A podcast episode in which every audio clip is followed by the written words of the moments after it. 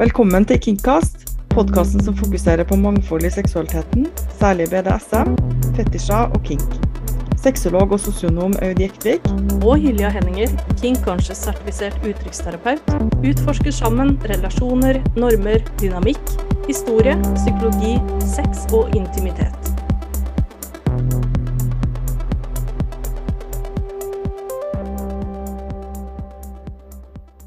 I dag så skal vi snakke om eh, femdom og sterke kvinner.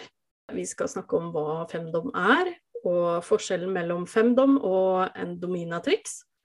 Så skal vi snakke om utenlandske og norske kjendiser og skuespillere som vi mener hadde passa veldig bra som doms eller i en femdom-scene. Men uh, først av alt så skal vi rett og slett bare forklare litt hva femdom er. Femdom går jo hovedsakelig ut på at det er en kvinne som har en dominant rolle i leken. Og i tillegg til å være dominant, så kan hun også være sadist eller rope top eller mange andre ting i tillegg, men i hvert fall dominant. Den underdanige i denne sammenhengen kan ha hvilket som helst kjønn, det må ikke være kvinne og mann. På en måte så irriterer det meg litt at man må ha et eget uttrykk for femdom. Det tror jeg har nevnt i denne podkasten her før. At hvorfor er det annerledes? Hvorfor må det hete femdom og ikke bare domming når det er ei dame? Men jeg skjønner jo at det handler om at tradisjonelt så er det menn som har hatt en dominant rolle, og at mange fremdeles ser på det som mer naturlig, eller mange, noen i hvert fall ser på det som mer naturlig, og at det som skiller seg ut, blir da dominante kvinner. Men vi ser jo en utvikling der flere og flere kvinner identifiserer seg som dominant og, og leker i en dominant rolle. Det syns jeg er bra. Absolutt. Og, og, til dels så kan jeg være enig i den fremstillinga, eller det, i bruken av ordet. At det ikke nødvendigvis er så heldig, og at det kanskje burde ha vært et litt mer sånn kjønnsnøytralt uh, ord. Samtidig så, så, opplever jeg også at uh, språket i veldig stor grad kan vaskes, i en sånn grad at uh, de aspektene som, som, kvinner ofte har, da, blir litt sånn dyssa ned til fordel for et kjønnsnøytralt språk, som gjør også at uh, kraften forsvinner litt, hvis du forstår hva, hva, jeg mener med det. For det Altså, ordet femdom i seg sjøl, jeg syns jo det ordet er dritkult. Jeg syns jo det også er kult å vise det at kvinner, eller mennesker med feminine aspekter, noe som alle har, kan være sterke. At man spiller på akkurat den rolla der. Så det i seg sjøl er jo egentlig uavhengig av kjønn. Så ordet syns jeg er råkult. Jeg vil jo beholde det ordet. Men jeg også tenker litt sånn at ok, det trenger egentlig ikke være klebe til et spesifikt kjønn eh, eller en kjønnsidentitet, men at det er mer en sånn rolle da, som man spiller ut. Det er i hvert fall min, min tanke rundt akkurat det ordet. det er ikke det at jeg har noe imot ordet femdom, egentlig. Det, altså, det er jo positivt for meg, fordi det er det jeg har drevet med personlig i mange år. Samtidig så skulle jeg ønske at man bare fikk lov til å være dominant. Jeg har noen ganger hørt meg sjøl på konferanser eller i samtaler med andre mennesker introdusere meg eh, altså sagt at jeg er dominant kvinne. Og da tenker jeg hvorfor sier du det? At mm. folk jeg snakker med, leser meg jo sannsynligvis som kvinne, så hvorfor må jeg si at jeg er det? En dominant mann ville jo ikke ha sagt hei, jeg heter Ole og er dominant mann. Han ville jo ikke det. Nei. Så det, for meg så blir det liksom et sånt skille om at det her er utafor normen. Og En av de tingene som er kjempefin med BDSM, er jo at man kan leke litt med kjønnsroller, man kan leke med, altså utfordre sånne ting også.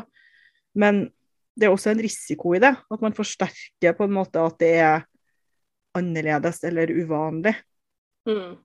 Ja, det er det. Uh, og det, det, illustrerer jo kanskje også at uh, det er fortsatt en, en skjevbalanse her.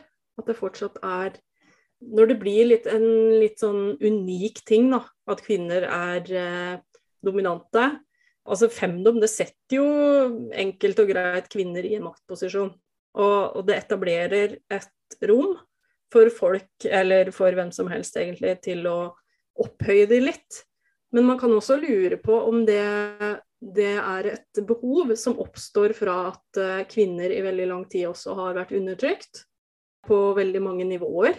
Det, men det er, jo, det er, jo, en annen diskusjon òg, men jeg syns det er interessant å, å, se på det fra det perspektivet òg. Men det er jo også, jeg tenker det er jo en grunn til at femdom er en så populær kink blant streite cis-menn. En cis-person det er en person som identifiserer seg med det kjønnet vedkommende ble født med. Men kvinnelig dominans, det, det, er ikke, altså det, er jo ikke, bare eksklusivt for bare heteroseksualitet.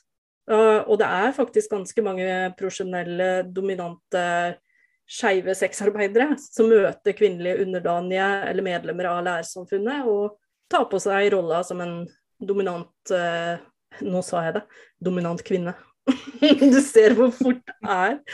Men, når man begynner å legge merke til det, så er det helt utrolig. Det er, hvorfor sier jeg det? Altså, det er jo Ja. ja. Eh, jeg skylder på kultur. Nei da. Jeg, jeg, tar mitt sjølansvar i det her. Men ja. Men det er, jo, det er jo forskjell også, da. Mellom det å være femdom og det å være en dominatrix. Fordi en dominatrix, det er jo, det er jo en sexarbeider som tar penger. Det er jo ikke alle dominatrikser som heller liker å bli kalt for sexarbeidere, men til syvende og sist så er det jo det, når man tar imot eh, penger fra klienten i retur for å tilfredsstille klientens seksuelle ønske, da. Og jeg er i den oppfattelse at mange dominatrikser gjerne Altså de, de jobber litt for å tilfredsstille kundens behov. Altså det er jo kundevennlighet, ikke minst. Det er jo den derre kunde alltid rett. Ja, ikke alltid. Ikke når det gjelder sex, og selvfølgelig ikke. Men det, det, vil jeg si er den første, første, forskjellen. Men det går jo samtidig an å både være dominatrix og utøve fem, femdom. Jeg mener i hvert fall det. Jeg kjenner i hvert fall flere dominatrikser og sexarbeidere som som gjør det hovedsakelig for nytelse, og ikke bare penger. For det, det, er en ting som mange kan bli veldig sint på. Det er at det er veldig mye misforståelser rundt det med eh, dominaer som, som, tar imot penger for å, for å dominere. Jeg tenker at det ligger kanskje litt i de rollene som man tillegger, eller som man tenker at femdoms har, da. At femdoms må være hard og opptatt av disiplin, opptatt av smerte må ha på seg masse fetisjtøy osv. osv. Og, så og det å være servicetopp, f.eks., eller servicedominant, at man er over gjennomsnittet mye opptatt av bunnen eller subben sin tilfredsstillelse, det er liksom ikke helt lov når man er kvinne, altså. Mm. Det er mer akseptert for menn, kanskje. Og det er klart at jeg, jeg, føler ikke at det er noen store greier mot det, altså, men at hvis at Jeg har jo inntrykk av at en del sexarbeidere dominatrikser er mer servicedominante. Fordi mm. at det handler om at kunden i utgangspunktet skal bli fornøyd. Og at ja, de kan få personlig tilfredsstillelse av det også. Noen får det. Men det er ikke dem som er i fokus, egentlig. Eller på, det, på samme måte, da. Nei, men er, de er jo utrolig gode i jobben sin på den måten at de er utrolig gode på å lese kundens behov og mm. trekke ut uh, hva er det egentlig du vil ha ut av det her, hva er intensjonen din med det møtet her. Og, og, det, og en dominatriks det, det, følger jo ikke bare nøye med på kundens ønsker, men de kler jo også rollen veldig godt. Altså det, for meg så kan det oppfattes kanskje litt mer som et uh, et litt skuespill eh, kontra det som foregår i en vanlig privat femdom-situasjon. Ikke for å snakke ned dominatrikset, for jeg mener jo at de er kjempenødvendige. Og jeg syns veldig mange av de gjør en kjempegod jobb. Og det er absolutt nødvendig å ha det. Men eh, jeg tenker kanskje en av de store forskjellene mellom en femdom og en eh, dominatrix er at en femdom gjør det hovedsakelig for nytelse, dominerer den underdanige på, på akkurat den måten hun, eller hen velger å gjøre det, fordi de gir nytelse, først og fremst. Og, og at det, liksom, kilden er ikke nødvendigvis kilden til leiken, er ikke nødvendigvis penger. Det er mer gleden og den erotiske leiken som oppstår mellom de som utøver eh, femdom, og hun bruker gjerne for, uh, forførelseskraft og Men det som er likheten da, mellom en femdom og en dominatrix, det er jo ofte at uh, scenen er basert på et gjensidig ønske. Stort sett, i hvert fall. og at det er forhandla grenser, og det er nøye kommunisert samtykke som finner sted før enhver lek begynner. Så det er jo også noen likhetstrekk. Men forskjellen er jo selvfølgelig det med at ja, kunde, man gjør det for kundens del først og fremst, og at det, det er penger, ikke penger. Det, og det skjer jo nå, nå, var jeg jo litt inne på det med forhandlinger, og det, og det har vi jo, det har vi jo via en hel episode til. Men uh, bare for å si litt om hva som skjer i en uh, femdom- eller dominatrix-session, da. Da kan vi f.eks. si at det er en dominatrix. Det her er en profesjonell, altså, som profesjonell i den forstand at du tar imot penger. Og da er det jo en generell tommelfingerregel at uh, det inneholder en screening og forhandlingsprosess. Altså I en ideell scene så vil en klient oppsøke en femdam som passer til de erotiske opplevelsene de leter etter. Og så finnes det så mange forskjellige typer òg. Altså, nå sa jeg femdam, men jeg mente dominatrix. Du har jo dominatrikser som spesialiserer seg på lær.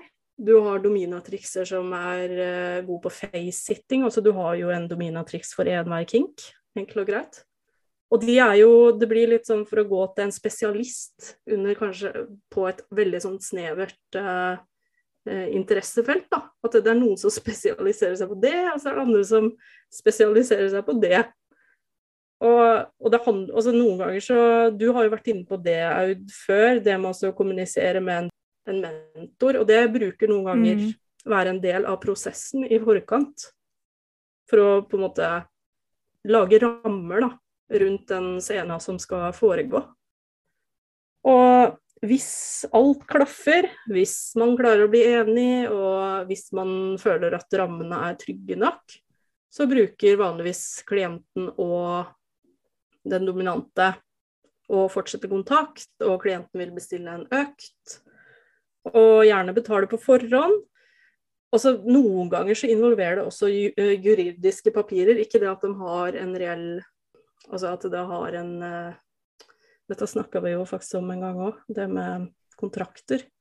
Mm. At det ikke er bindende juridisk, men kanskje mer sånn symbolsk. Det tydeliggjør hva man, skal, hva man samtykker til, da, og ikke.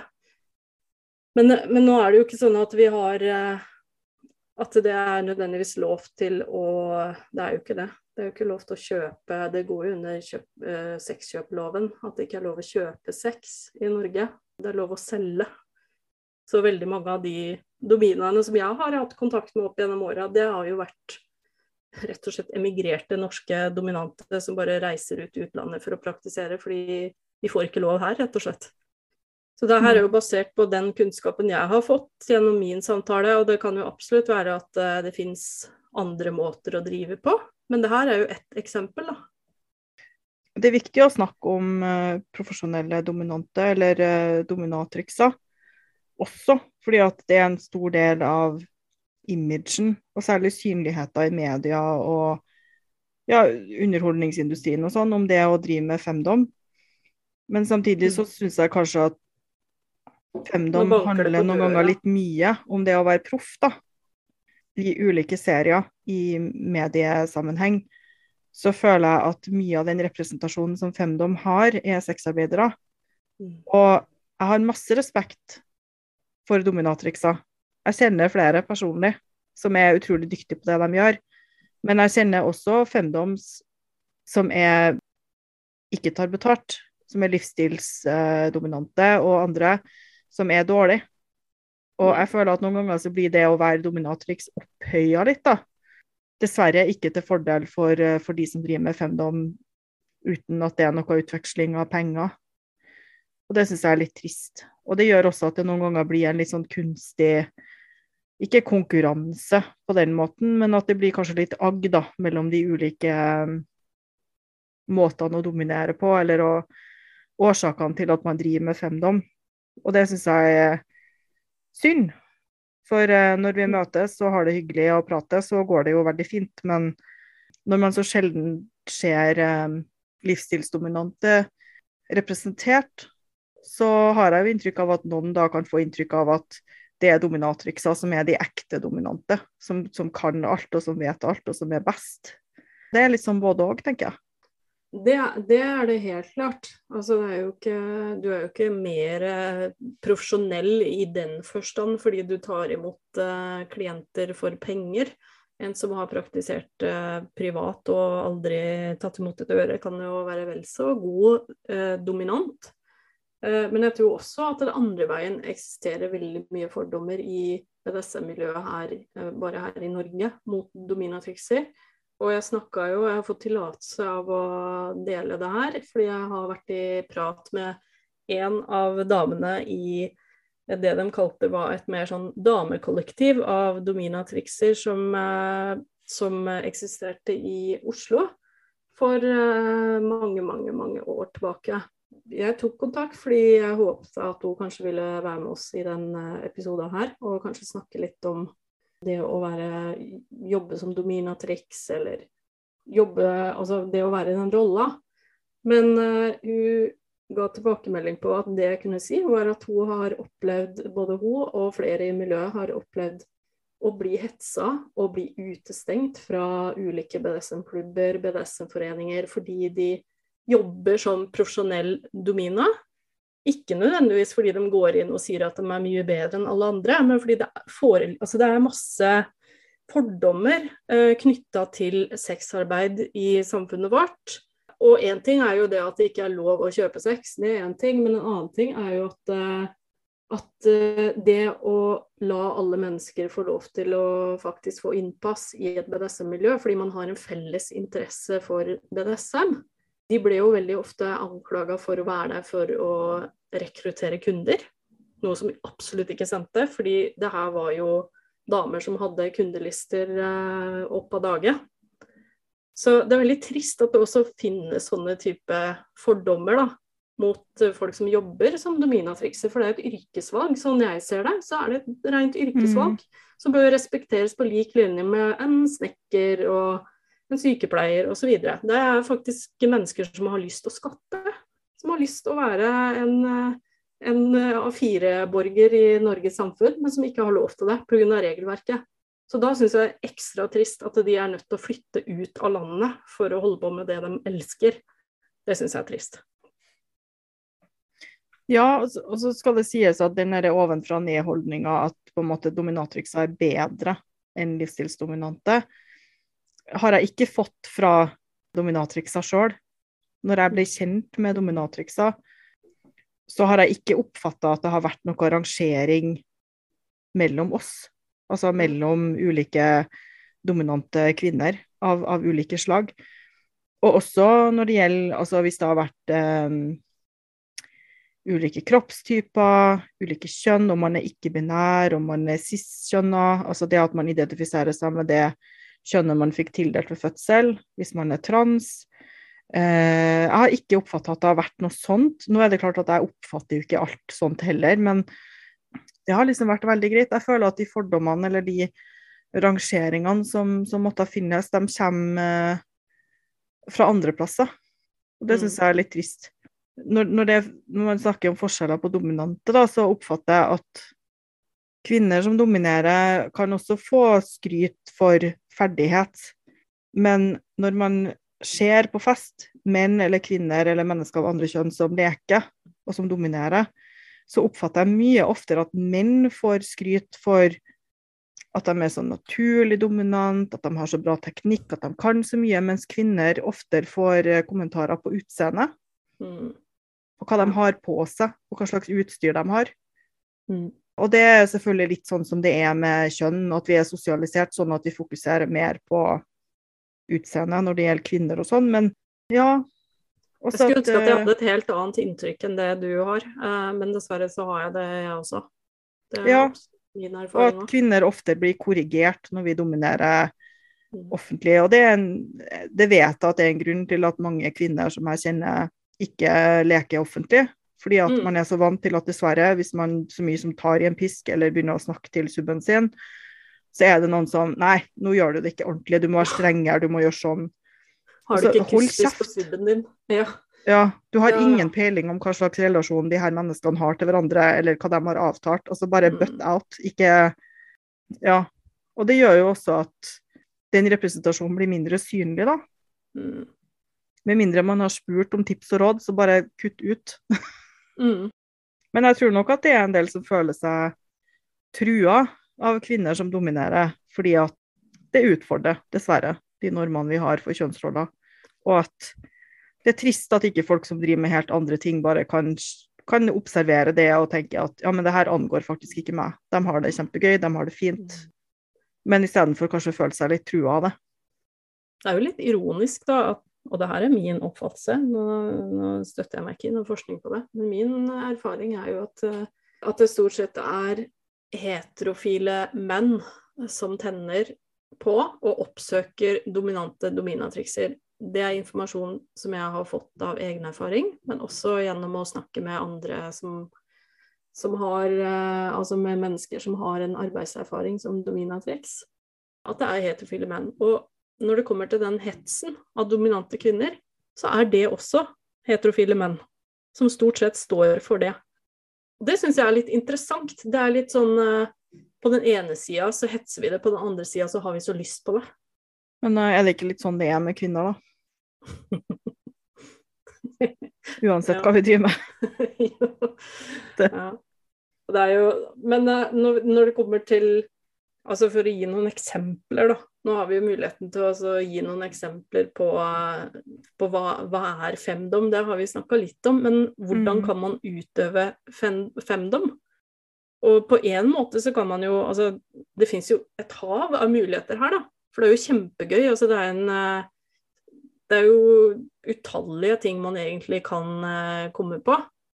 Og en av de er jo uh, Sissy Play. Og det er jo en, uh, en situasjon hvor man blir kledd opp, den underdanige parten gjerne blir kledd opp i litt sexy undertøy, stockings, generelt det man definerer som kvinneklær, da. Jeg er ikke så veldig glad i det ordet.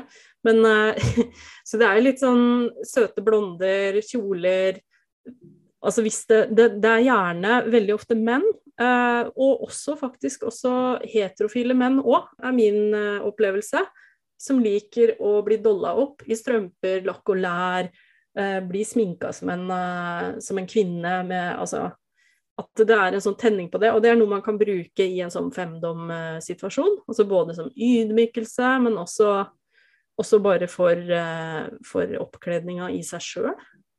Ja, de fleste transvestitter, altså mennesker som tenner på å kle seg i klær assosiert med mennesker av et annet kjønn, er jo heterofil.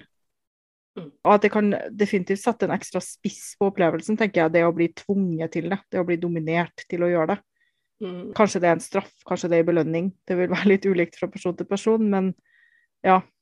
Ja, og det skal vi snakke om i en ganske nærliggende episode, det med Sissy Play. For det, det, er et tema som interesserer veldig mange av lytterne våre også.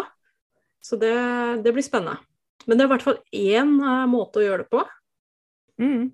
Og så har du smertepåføring i, i ulike varianter, bl.a. det å eh, bruke slagredskap og spenke noen osv.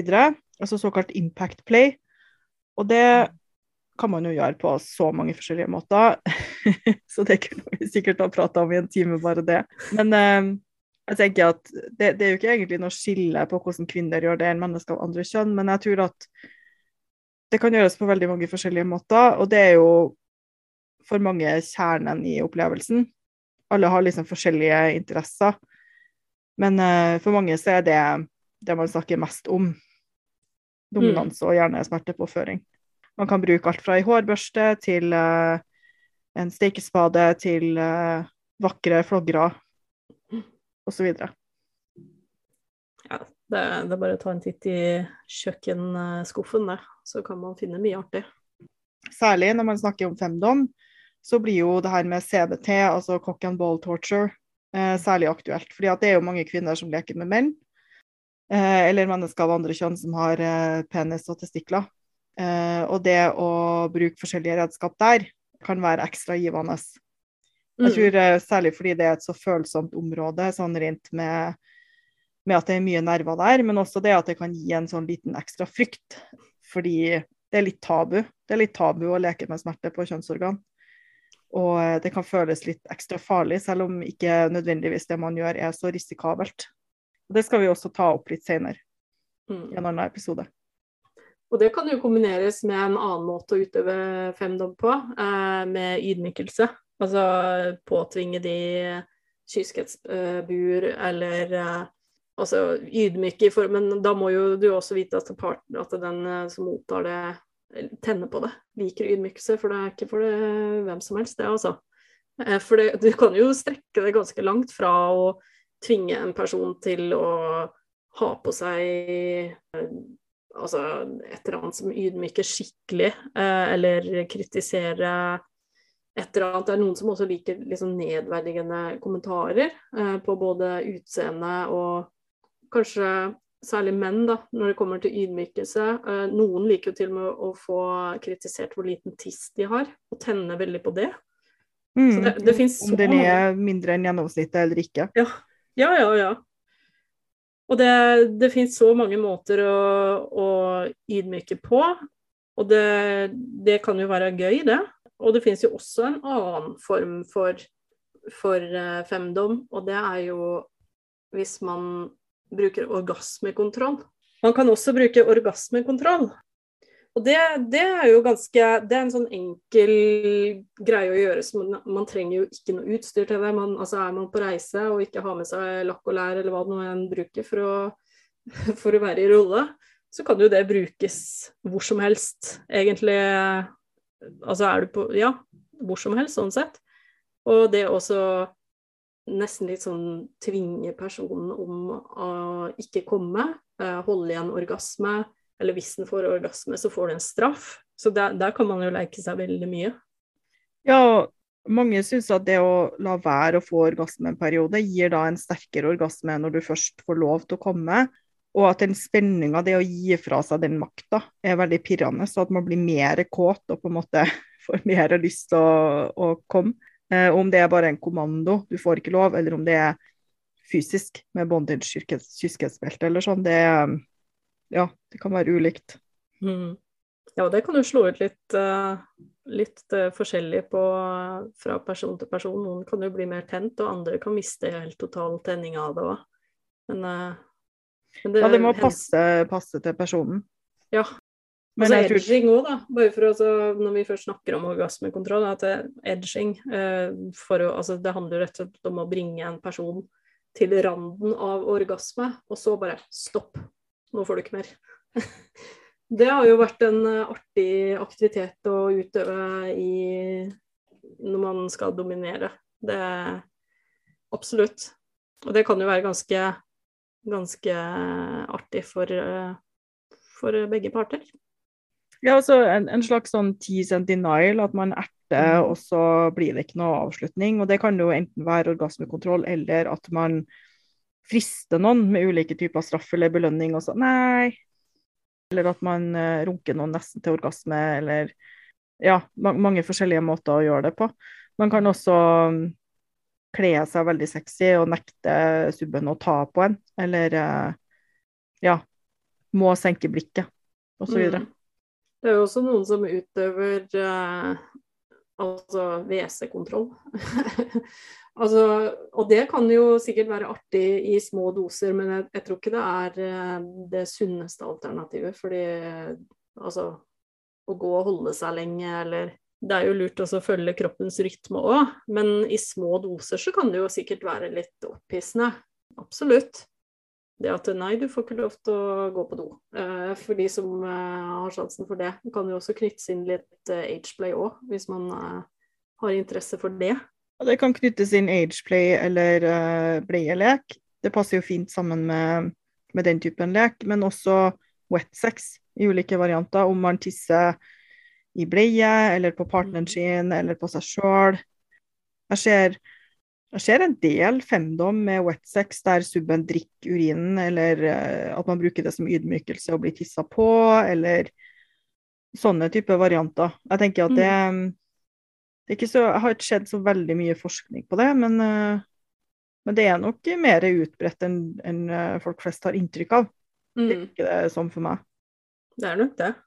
Og så er det en type femdom uh, som er i ferd med å ta litt av, og det er cyberfemdom. Altså det blir jo mer og mer vanlig med nettdating, eller med du tar på deg VR-briller, du går inn i, en, i et virtuelt datingrom eller i en scene, et spill, der du samhandler med andre som også sitter med VR-briller, og hvor du lever rett og slett i en virtuell verden. Jeg leste en sak nå for ikke så lenge siden hvor det var jeg lurer på om det var en kvinne som hadde anmeldt en person for seksuelle overgrep i et sånt virtuelt rom. Så det også begynner å bli en greie. Uh, veldig synd at det skjedde. Men uh, det viser jo også hva slags, uh, hva slags potensiale, men også hva slags farer som hviler med å være en del av et sånt cyber-nettrom. Men det er i hvert fall vanlig at, at, at man kan spille ut BDSM-settinger også, i sånne telefon- eller cyber-femdom-arenaer. hvor du, hvor du, tar på deg en dominant rolle, du har fullt kostyme osv. Og, så og så skal du ta kontroll over den andre parten i en dominant rolle. Og det er, det, det er jo skjedd en oppblomstring kanskje i sammenheng med pandemi, og, men også med at uh, verden er jo generelt i utvikling. Og jeg syns jo det er et litt interessant fenomen, sjøl om jeg personlig ikke ville ha gjort det sjøl. Min utfordring med lek via internett er at før eller siden så vil man jo gjerne møtes. Og hvis det ikke er mulig, så kan det bli mer frustrerende enn tennende etter hvert. Mm. Men der er folk veldig ulike, altså. Noen får stor, stor tilfredsstillelse av å ha noen som passer på dem, som dominerer dem, som, som ser dem virtuelt. Og det kan også kombineres med en del ting, altså f.eks. orgasmekontroll. Eh, disiplin i ulike sammenhenger, at man får hjemmelekser eller oppgaver å gjøre. Det kan være at man er ekshibisjonist og liker å vise seg på kamera, eller liker å se noen på kamera, eh, som gjør. Eller eh, finndomming har jo blitt mer populært. Eh, jeg ble intervjua om finndomming på, på, radio for en stund siden. Og Da fikk jeg spørsmål om tror du at finndomming kommer til å bli mer populært, eller tror du det har blitt mer populært? Og da sa jeg nei, med stor selvsikkerhet. Og der tok jeg jo helt feil. Uh, så det, det kan man gjøre av og til. Men det, altså, den verste bølgen virker jo å være um, over nå, da. Og jeg tenker at finndomming er en uh, legitim kink, på lik linje som alt annet. Men når man hadde en ganske stor oppblomstring, så, så, var det jo mange som tenkte at det her var en, billig, altså en veldig enkel måte å få seg inntekt på. Og som kalte seg domina, som, som lagde seg finndom-profiler tilsynelatende uten å ha noe peiling på BDSM. Og det var jo kjedelig for de som har det som en en kink og får stor tilfredsstillelse ut av det på den ene eller andre sida. Og finndomming er jo det at man har kontroll over subbens økonomi, penger. Mm. Ja, man, så feil kan man ta, men altså, det er jo ikke lett å si hva som er eh, som aksjemarkedet det her. Hva som slår an og hva som uh, går rett i dass. Men eh, det virker jo som at internettdominans eh, er kommet for å bli. Mm. Enten som en nødvendighet eller fordi at det er det som, som, fungerer. Det er jo mm. veldig tilgjengelig for en del folk, da. Hvis det er mm. vanskelig å komme seg på en dungeon eller ut av hjemmet av en eller annen grunn, så er, er det jo mange muligheter til å nå folk gjennom internett. Mm. Men jeg tenker jo at uh, femdom henger jo også veldig tett sammen med rollespill. Altså, det er jo uendelige roller du kan ta på deg. Altså, tar du et femdomssøk på nett, så finner du ofte Eh, femdom kombinert med rollespill. Altså om det er student og lærer, om det er politi og eh, tyv, sjef og ansatt i en bedrift. Så det, det, henger jo også veldig sammen med det, og det blir jo ofte spilt ut. Og det er jo det er mye leik, det er mye rom for leik når man holder på med femdom. Ja, for at uh, det å videreutvikle doktorleker i voksen alder, det kan være gøy. Fange fangevokter, og bli forhørt, det å være slaven til noen, eller trellen til noen, å ha ei streng uh, husets frue og stuepike, eller det, det, er veldig mange forskjellige roller å velge i som passer sammen med femdom. Og så er det jo andre måter å utøve femdom på òg, som man kanskje ikke tenker på rollespill i den sammenheng, eller som kan være en annen type rollespill. Men det her med at man kan være veldig sensuell som dominant, eh, være opptatt av sanseinntrykk og kontrasten mellom behagelig, sensuelt og også ubehag, eller bare fokusert på det sensuelle. Man kan være um, sadist i tillegg, som jeg nevnte. Man kan være veldig opptatt av disiplin, oppdragelse, domestic disiplin, eller sånn gammeldags oppdragelse. Man kan være en sånn mommy-rolle, med mye omsorg og, og så videre. Det, det, er bare helt opp til hver enkelt. Og jeg føler at den rollen med den strenge dominaen er jo den som får mest, som vises mest. Mm. Og det er mange som liker den rollen, det er kjempeflott. Men man ser veldig lite av de andre. Mm. Ja, men jeg skjønner jo hvorfor det er så tiltalende. Altså, jeg ser jo det sjøl. At jeg foretrekker jo filmer som Altså ikke nødvendigvis BDSM-filmer, men filmer der eh, kvinner portretteres som veldig sterke, veldig tydelige, kanskje litt autoritære. Jeg syns jo det er veldig attraktivt generelt. Og jeg har jo mange ganger sett på filmer og serier og tenkt at å, du hadde passa veldig godt som en domina, eller eh, som en person som utøvde mm. femdom, da. Og jeg så jo ferdig The Witcher for ikke så lenge siden. Mm. Og jeg tenkte jo det at uh, hun, uh, tis, uh, hun som het Mayana Burring, som spilte karakteren Tisaya, som var rektor på magiskolen, hun var jo utrolig flott og bestemt og jeg tenkte bare du hadde vært så fin i en BDSM-rolle at du begynner automatisk å tenke det.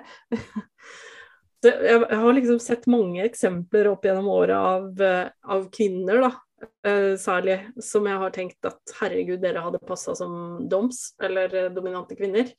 Og det var jo også en annen dame i den filmen som het Anja Charlotra. Nei, det var to det var, også, det var hun som spilte Jennifer of uh, Wengerberg. Uh, og så var det uh, Mimi Nå husker jeg ikke helt ja, Hun som spiller Fringilla. Hun var den ja, første jeg tenkte på når du Fringilla, sa The Witcher. Nettopp. Og hun, hun har en sånn utstråling som jeg bare tenker ja, yes. her er det noe. Men ja. bare så det er sagt, da, når vi nå kommer til å nevne en del kjendiser eller andre som vi tenker at kunne ha passa i dominante roller, så er det kun vår egen tolkning. Vi vet absolutt oh, ja. ingenting om hva de identifiserer seg som, eller hva slags kinks de har eller ikke har. Det er bare litt underholdning for vår del. Ikke, ikke, ikke meld dem og be om å bli dominert, vær så snill. Nei. Nei. Uh, det er lov å fantasere også, men der, der, går vi grensa. Mm. Nei, det Min arketype på, på ei dominant kvinne uh, har jo alltid vært Morticia fra Adams Family. Jeg elsker Morticia fra Adams Family. Altså den her scenen der hun står og klipper rosa og sier Don't torture yourself, Gomez, that's my job. altså, jeg blir varm. Jeg kjenner at jeg blir så glad av den scenen. Hun er fantastisk. Både estetisk og utstråling og alt det er liksom på plass. Mm. Angelica Houston er Ja. ja. Hun er jo hun er faktisk eh, ganske lagt opp på lista mi òg. Eh, men overraskende nok, da. Uh, Meryl Streep. Hun spilte jo og hadde jo en skildring av Margaret Thatcher. ikke sexy, men absolutt Og nå tror jeg det var mange som fikk innovertiss når du sa Margaret Thatcher. Men altså, rolla hennes var jo Altså, hun var jo så tydelig. Hun var jo Altså bare, det, bare, bare historien hennes, det å reise fra middelklassens eh, nivå til å markere seg i det mannsdominerte konservative partiet, altså det er jo hot i seg sjøl, syns jeg, da. Så som en sånn type femdom-setting, så rolla hennes syns jeg fint kunne ha bare sklidd inn i en sånn femdom-setting. Hvis du bare visker ut det ordet Thatcher, selvfølgelig. For det Jeg skjønner den. Meryl Streep eh, hadde ikke slått meg, altså, men når du sier det altså, Den rollen handler jo mye om å ha kontroll og oversikt og mye kunnskap, eh, og være god på å forhandle og sånn. Jeg ser helt klart at en del av de egenskapene kunne ha blitt brukt på den måten. Jeg tenker på mm. Gillian Anderson. Ja. Eh, hun har jo også spilt Margaret Thatcher, og det var derfor jeg kom på det. Ja, Men hun har også spilt mange roller der hun har vært sterk. Og mm bestemt og tatt ledelsen og vært uredd. Noe som er ting som jeg assosierer med det å være dominant, men, men mange andre egenskaper er selvfølgelig også veldig velkommen og bra. Ja, altså jeg hadde jo en crush på Gillian Anderson på, i serien Sex Education. Altså, oh my god. Uh, jeg sånn, Hadde jeg gått i terapi der, så hadde jeg sikkert hatt en crush på terapeuten. Hadde det skjedd en overføring på null komma niks. Ingen tvil. ja, hun er uten tvil ei veldig flott dame. Og allerede som eh, Scully for mm. mange, mange år siden, så, så la jeg merke til henne. Mest som skuespiller, men også som bare en, en veldig flott person. Men nå skal, jeg, nå skal jeg, komme med nok et uh, litt sånn vel uh, Bob-Bob-forslag. Og det er uh, Agatha Trunchbow. I, altså, det er jo rolla hennes. Også kjent som Miss Trunchbow. Som var en fiktiv rektor ved, ved skola til Altså fra, fra Roald Dahls roman 'Matilda', da. og jeg så jo den filmen her i 96, det var jo en del av skoleopplegget på barneskolen. og jeg har sett i voksen alder òg. Og i voksen alder så ser jeg nok litt annerledes på det her. Hvis du bare visker bort det faktum at det er masse barn her som blir dårlig behandla av en rektor, og bytter ut barna med voksne mennesker i det klasserommet, så kan det bli ganske hett. Fordi, fordi den rolla hun spiller ut som den derre farlige og jeg vil si sadistiske, mørke karakteren, da, med pisken i hånda og avstraffelsesrom og innestenging og påtvinging av eh, her må du spise den kaka, spis hele kaka, ellers blir det straff. Altså Hele greia kan egentlig bli litt erotisk. Da, og så er det jo mange som tenner på dominante damer som er fysisk større enn seg sjøl. Og hun er jo både høy og ei stor dame som er veldig kraftig, som driver med idrett, mm. sånn som jeg husker henne. Så at, at, hun kan være en sånn arketype som noen på en måte baserer ei dominant dame på, det, det, kan jeg godt se for meg. Mm. Selv om mange av oss har bitte litt traumer fra henne fra, fra, den boka. ja. ja. Men altså, som sadist så syns jeg hun gjør en utmerket rolle, da. Hvis du forutsatte at det her var en samtykkende voksensituasjon, så syns jeg hun virkelig gjorde en utmerka rolle. Ja, og så en litt sånn antihelt på en måte, men Kate Winslet i The Mayor of Easttown Jeg tenker at hun har en sånn utstråling.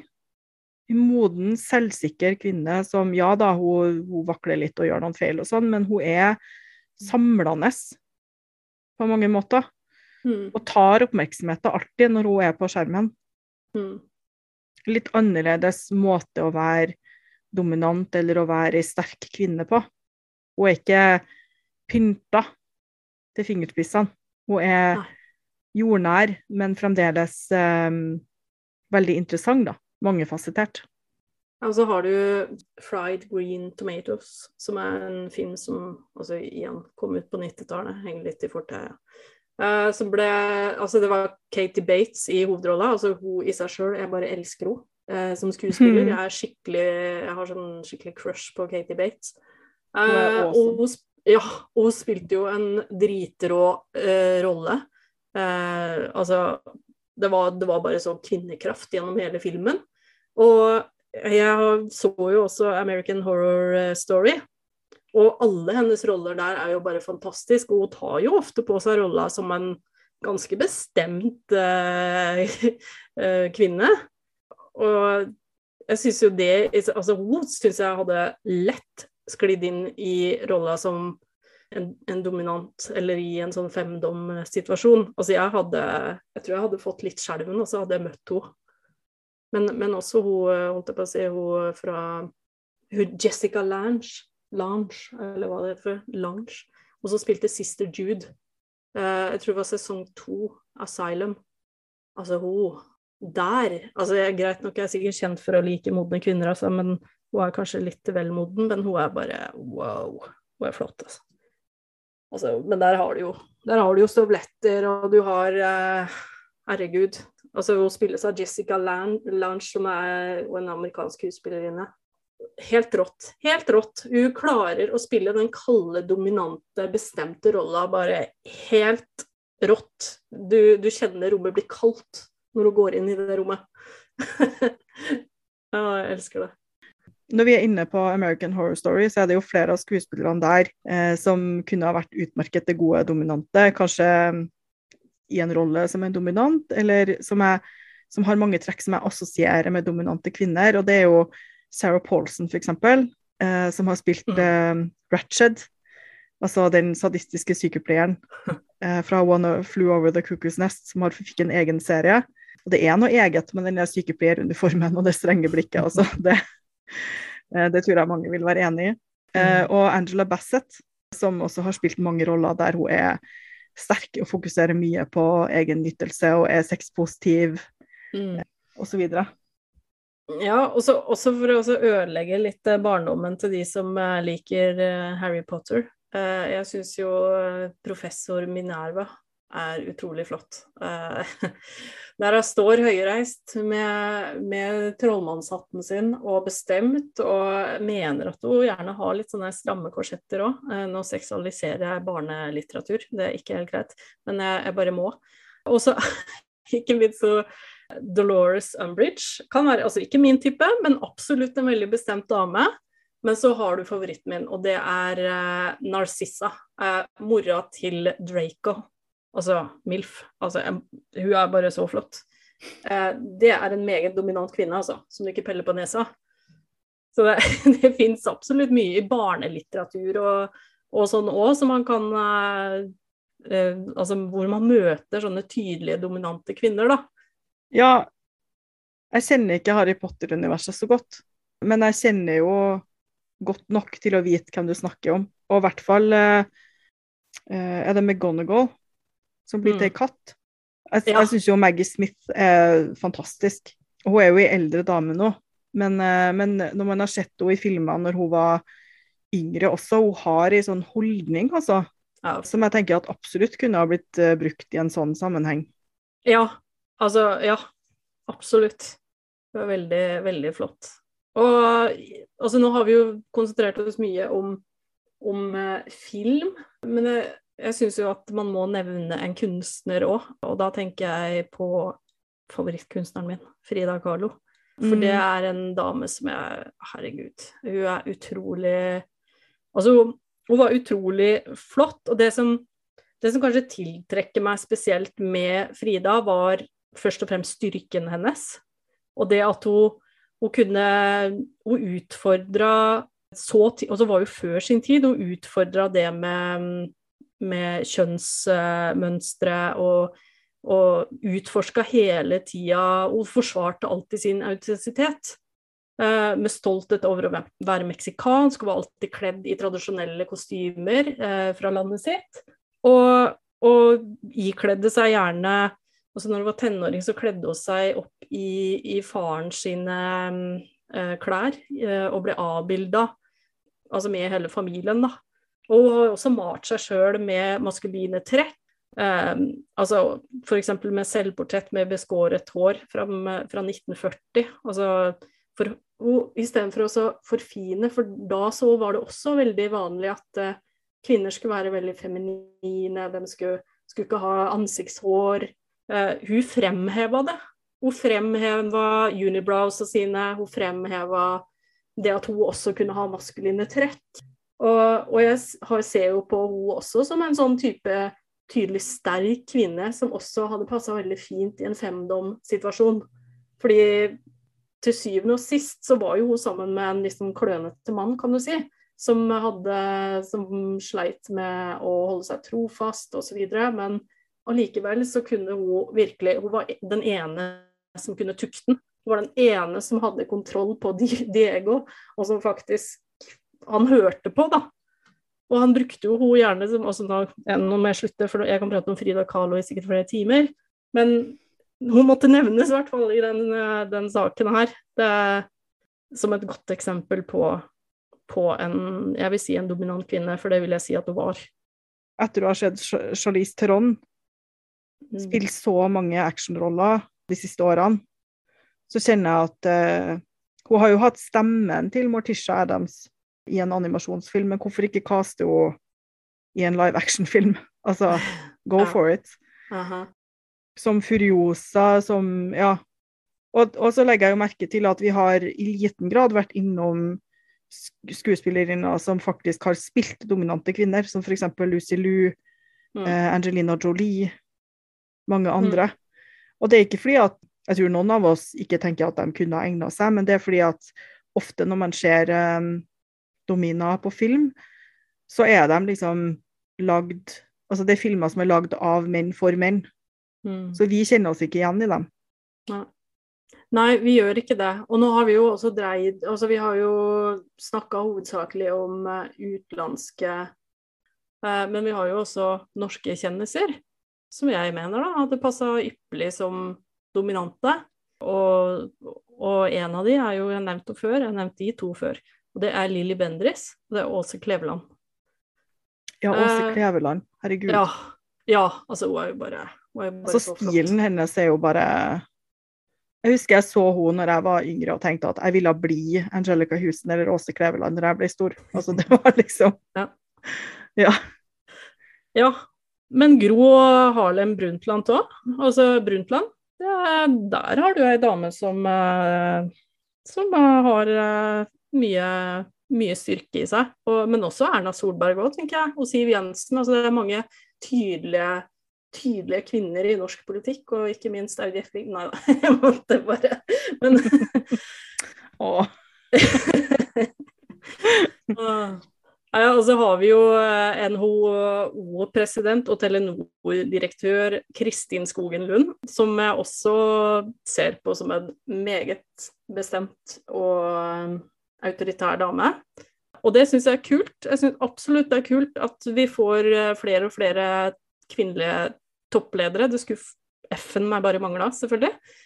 Og beklager hvis det her tolkes som at vi seksualiserer kvinner i um, i en maktposisjon, for det er ikke det vi gjør. Bare sånn at det er sagt. Det her er mer våre litt sånn barnslige syn på, på hva slags kvinner i media og i offentligheten som, som hadde passa rolla, da. Det handler mer om rolla enn menneskene i seg sjøl. Bare sånn det er sagt Jeg tenker at ja, det er veldig viktig å understreke at vi vil ikke uh, seksualisere noen som ikke har bedt om det. Og det, det, er ikke for å legge press på noen eller for å at noen skal føle seg ukomfortabel, men vi, vi, trekker fram folk som vi ser at har noen egenskaper som vi assosierer med det å være dominant. Og vi sier ikke at de er det eller har lyst til å være det eller noe som helst. Det er bare mm. hva er det vi ser mm. som kanskje er annerledes ting enn det som andre ser.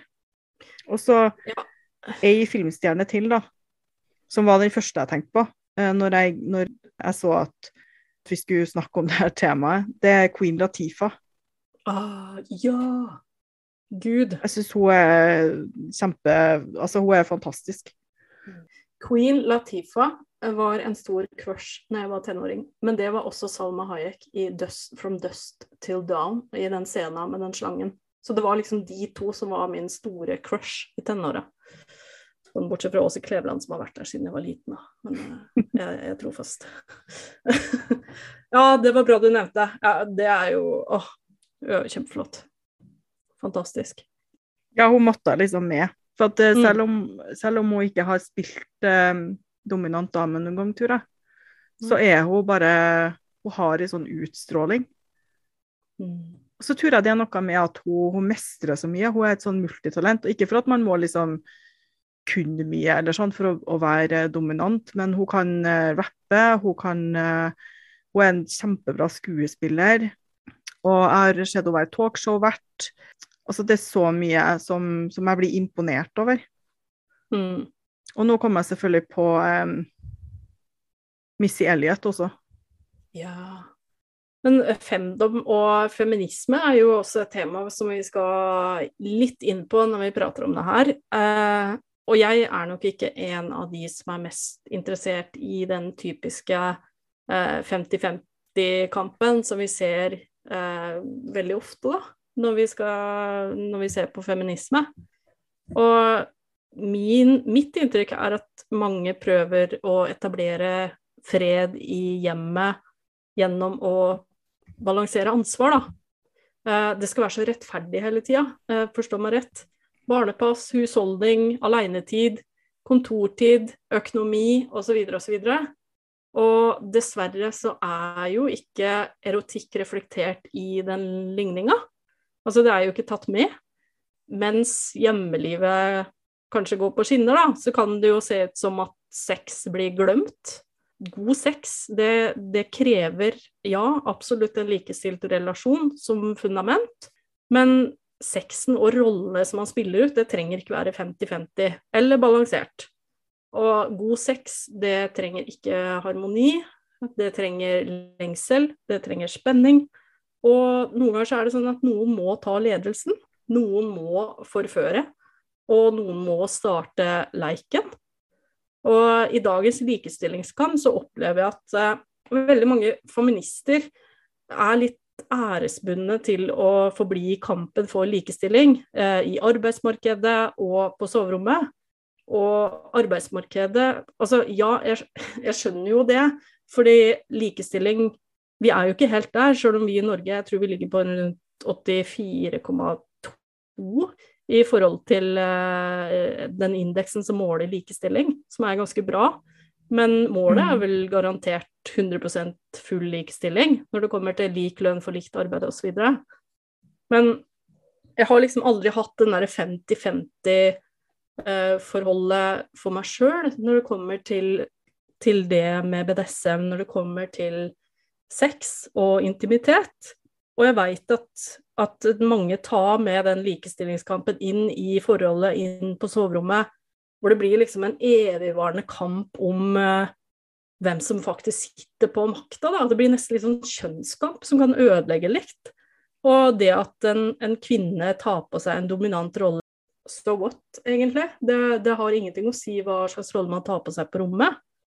Men jeg tenker at når kvinner lærer å ha makten da, i en rolle som femdom, f.eks., så inviteres jo menn inn til å lære skjønnheten eller det som er bra med å overgi seg. For det handler egentlig ikke, mener jeg, da, om underkastelse, det handler mer om overgivelse. Og, og, at man kan på en måte jobbe med å integrere de glemte delene av selve, som er egentlig hele magien i den dynamikken her. Så ja, altså for meg så er jo det vakre med femdom, det vakre med å Skal jeg ikke si dominant være en dominant kvinne, men altså utøve den rolla her, da. Det er at man trenger ikke lenger være i en kamp. Man har jo vært i så mange kamper. Altså, bare det å være kvinne kan jo oppfattes som en kamp, og det kan virkelig være en generell, altså en reell kamp også. Og det når man, når man skjønner det at på soverommet så trenger man ikke være en kjempende, hardtarbeidende feminist hele fuckings tida. Man kan slippe den litt og oppleve at Ja, altså Oppleve at utviklinga Altså, den er fullført. Man føler at OK, her er jeg. Jeg har power. Jeg har kraft. Altså, jeg legemliggjør matriarken fullt ut, da.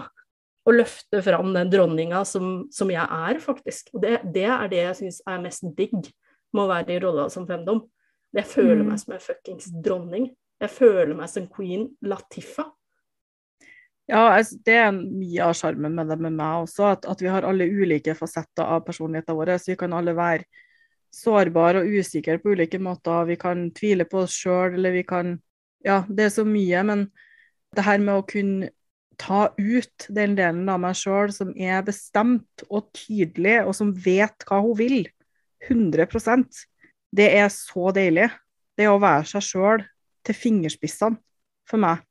Og det er ikke alle som ser på rollen på den måten. Mange er sjenert, kanskje, i det daglige, men liker å dominere og er dominant. Eh, og føler at det er en velkommen forandring. For meg så er det på mange måter å hente fram den jeg føler at jeg egentlig er, men ikke alltid kan være. fordi det er jo ikke sånn i verden at um, man kan bestemme hele tida. Dessverre. Dessverre. Eh, det må være liksom et avtalt eh, rollespill. Og så det her med at tidligere i livet så var jeg kanskje litt redd for eh, femininiteten min. Mens nå syns jeg at de såkalt maskuline og feminine trekkene jeg har, passer veldig godt sammen. Og jeg har slutta å dele opp sånne ting i kjønn. Jeg, blir ikke, jeg føler ikke lenger at det er noe pinlig i å pynte seg eller å ha mye kroppsspråk osv. Jeg, jeg syns at det kan være sensuelt og, og fint, hvis, hvis, det er det man ønsker. Samtidig som at man også kan være litt grov og direkte og Mm. ikke bry seg så mye om de tingene. Det er en frihet i å utforske hvem er det jeg vil være, hvordan er det jeg vil være, hva vil jeg signalisere til eh, partnerne mine. Eh, og det å se at noen tenner på det, at ganske mange tenner på det, faktisk. At, når man viser fram hvem man er, at folk blir liksom Wow, det her var kult. Ja. Det, det er veldig flott. Og så det å få den gaven som underkastelse er, det at noen har tillit til deg til at du kan påføre smerte på dem, disiplinere dem osv., det, det er vakkert for meg, altså. Det er Mm. så eh, inspirerende, så det føles så trygt og hjemme. Og så er det hvor stor plass den rollen skal ta. Om den skal få lov til å stikke fram eh, en gang i året eller hver dag hele tida. Det må jo også være opp til eh, hva slags relasjon man har, og så kan man utøve den på ulike måter. Det er jo veldig gjenkjennbart. Men, eh, men når vi snakker om det med, det med ulike Altså det, de aspektene, de feminine og maskuline aspektene som ofte ilegges kjønn, så, så er det jo også basert på gammeldagse forestillinger, eller en gammeldags modell av gammeldagse kjønnsroller. Eller tradisjonelle, som det også kalles. Sånn at eh, jeg ser jo en bevegelse i dag blant altså alle, alle typer kjønn hvor, hvor man ønsker å redefinere disse gamle holdningene til hvordan en mann skal være, hvordan en kvinne skal være, osv. osv. Fordi veldig ofte sånn, vi kvinner vi blir jo ofte eh, satt i en sånn kategori med at altså, de kvinnelige aspektene det er du skal være feminin, du skal, du skal se flott ut i klærne, du skal være litt sjenert og kanskje litt sånn 'Å, takk, søt'. Å. Altså, men så er det mannen som får de kule aspektene veldig ofte, er, min, er mitt inntrykk. Det er sånn at du er rå, du skjærer igjennom, du, du har kraft, du er sånn Altså det derre power-greia, der føler jeg at det blir ofte lagt på menn, da. Altså som maskuline eh, aspekt. Men nå så er det jo Det er på god tid, vi er på overtid, at kvinner også bare sier at tar eierskap av Altså når det kommer til egen kraft. Kvinner kan også være rå. Kvinner kan også skjære igjennom. Vi kan være faen meg så, så brutale vi at du aner ikke. Nesten så jeg lurer på at har det nesten blitt fjerna fra altså det er, Nå begynner jeg å konspirere her, altså jeg vet jeg gjør det. Men er det nesten tatt vekk fra oss? Fordi at folk er så redd for styrken til kvinner generelt. Ja, det tror jeg. Jeg tenker at så mye som ulike religioner og Ja. patriarkatet gjennom eh, historien har prøvd å kontrollere kvinners seksualitet og våre følelser. Det at menns sinne på mange måter blir sett på som logikk, mens Mm. kvinner kan ikke være sint. Vi kan ikke ha sterke mål, vi kan ikke være sadistisk, ikke på en samtykkende måte heller. For at da er vi bare feil, da er vi ikke kvinner. Altså, sinte kvinner blir jo kalt hysterisk. Og det er noen Ja, hvor mange ganger har vi ikke sett i litteratur og film osv. at kvinner som er sint, eller som prøver å ta kontroll over sitt eget liv, blir sett på som litt sånn forstyrra? Mm. Hvorfor kan du ikke bare innordne deg? Hvorfor kan du ikke bare ja, adlyde? Mm. Mange som tenner på det, men ikke alle. Nei. Men, men jeg tenker jo at det, det med å være i en rolle som femdom Du kan gjøre det for moro skyld, selvfølgelig, men du kan også gjøre det til kald. Altså det har et potensial for en større dybde, da, den leiken, og det er det jeg elsker med det. Og altså det å gjøre det til kald Du kan jo faktisk modellere den storheten man har, da, som, til, som enhver kvinne har, den kvinnelige styrke.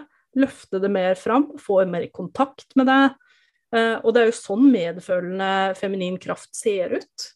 Eh, det er jo ikke sånn at vi, vi blir eh, ukontrollerbare monstre. Altså, det er jo medfølende, det er kraftfullt, og det er absolutt ingenting farlig med det. Jeg tror det, jeg tror det er bare kjempepositivt at man får kontakt med det.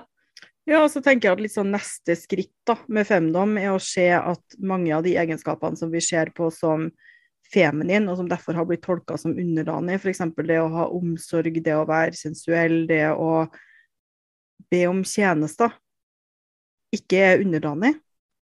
Det er ingen eg altså, egenskaper eller handlinger i seg sjøl som er underdanig, men det at man er kvinne, har gjort at det har blitt sett på som det.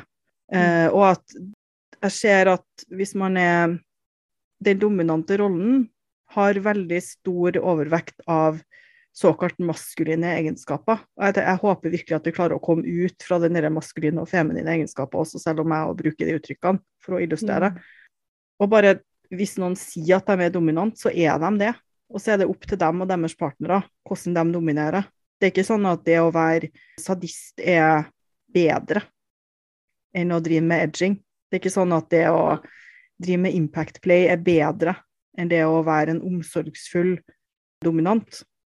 Nei, altså det er jo rett og slett bare å Ja, altså det er jo rett og slett bare å bli kjent med, med hvilken type dominant man er sjøl.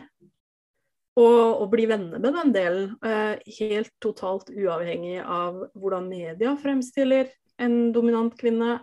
Nå sa jeg det igjen. Eh, hvordan media fremstiller en, en dom, hvordan, eh, hvordan kultur tror at en kvinne som er bestemt og dominant, skal fremtre, da. Og hvordan hun skal oppføre seg, rett og slett. Bare definer det sjøl. Finne ut hva slags type dominant er du. Det er det essensielle. Også, og det kan jo være fint å ha mentorer og andre Det at vi, at vi stadig har flere um, dominante kvinner rundt oss som vi kan bli inspirert av og lære av og snakke med, og det er kjempebra. Likestilling mm. fører til flere dominante kvinner, det er jeg sikker på. Følg Kingcast på Facebook for oppdateringer og nye episoder. Har du spørsmål eller tilbakemeldinger, send oss en PM. Takk for at du hørte på Kingcast.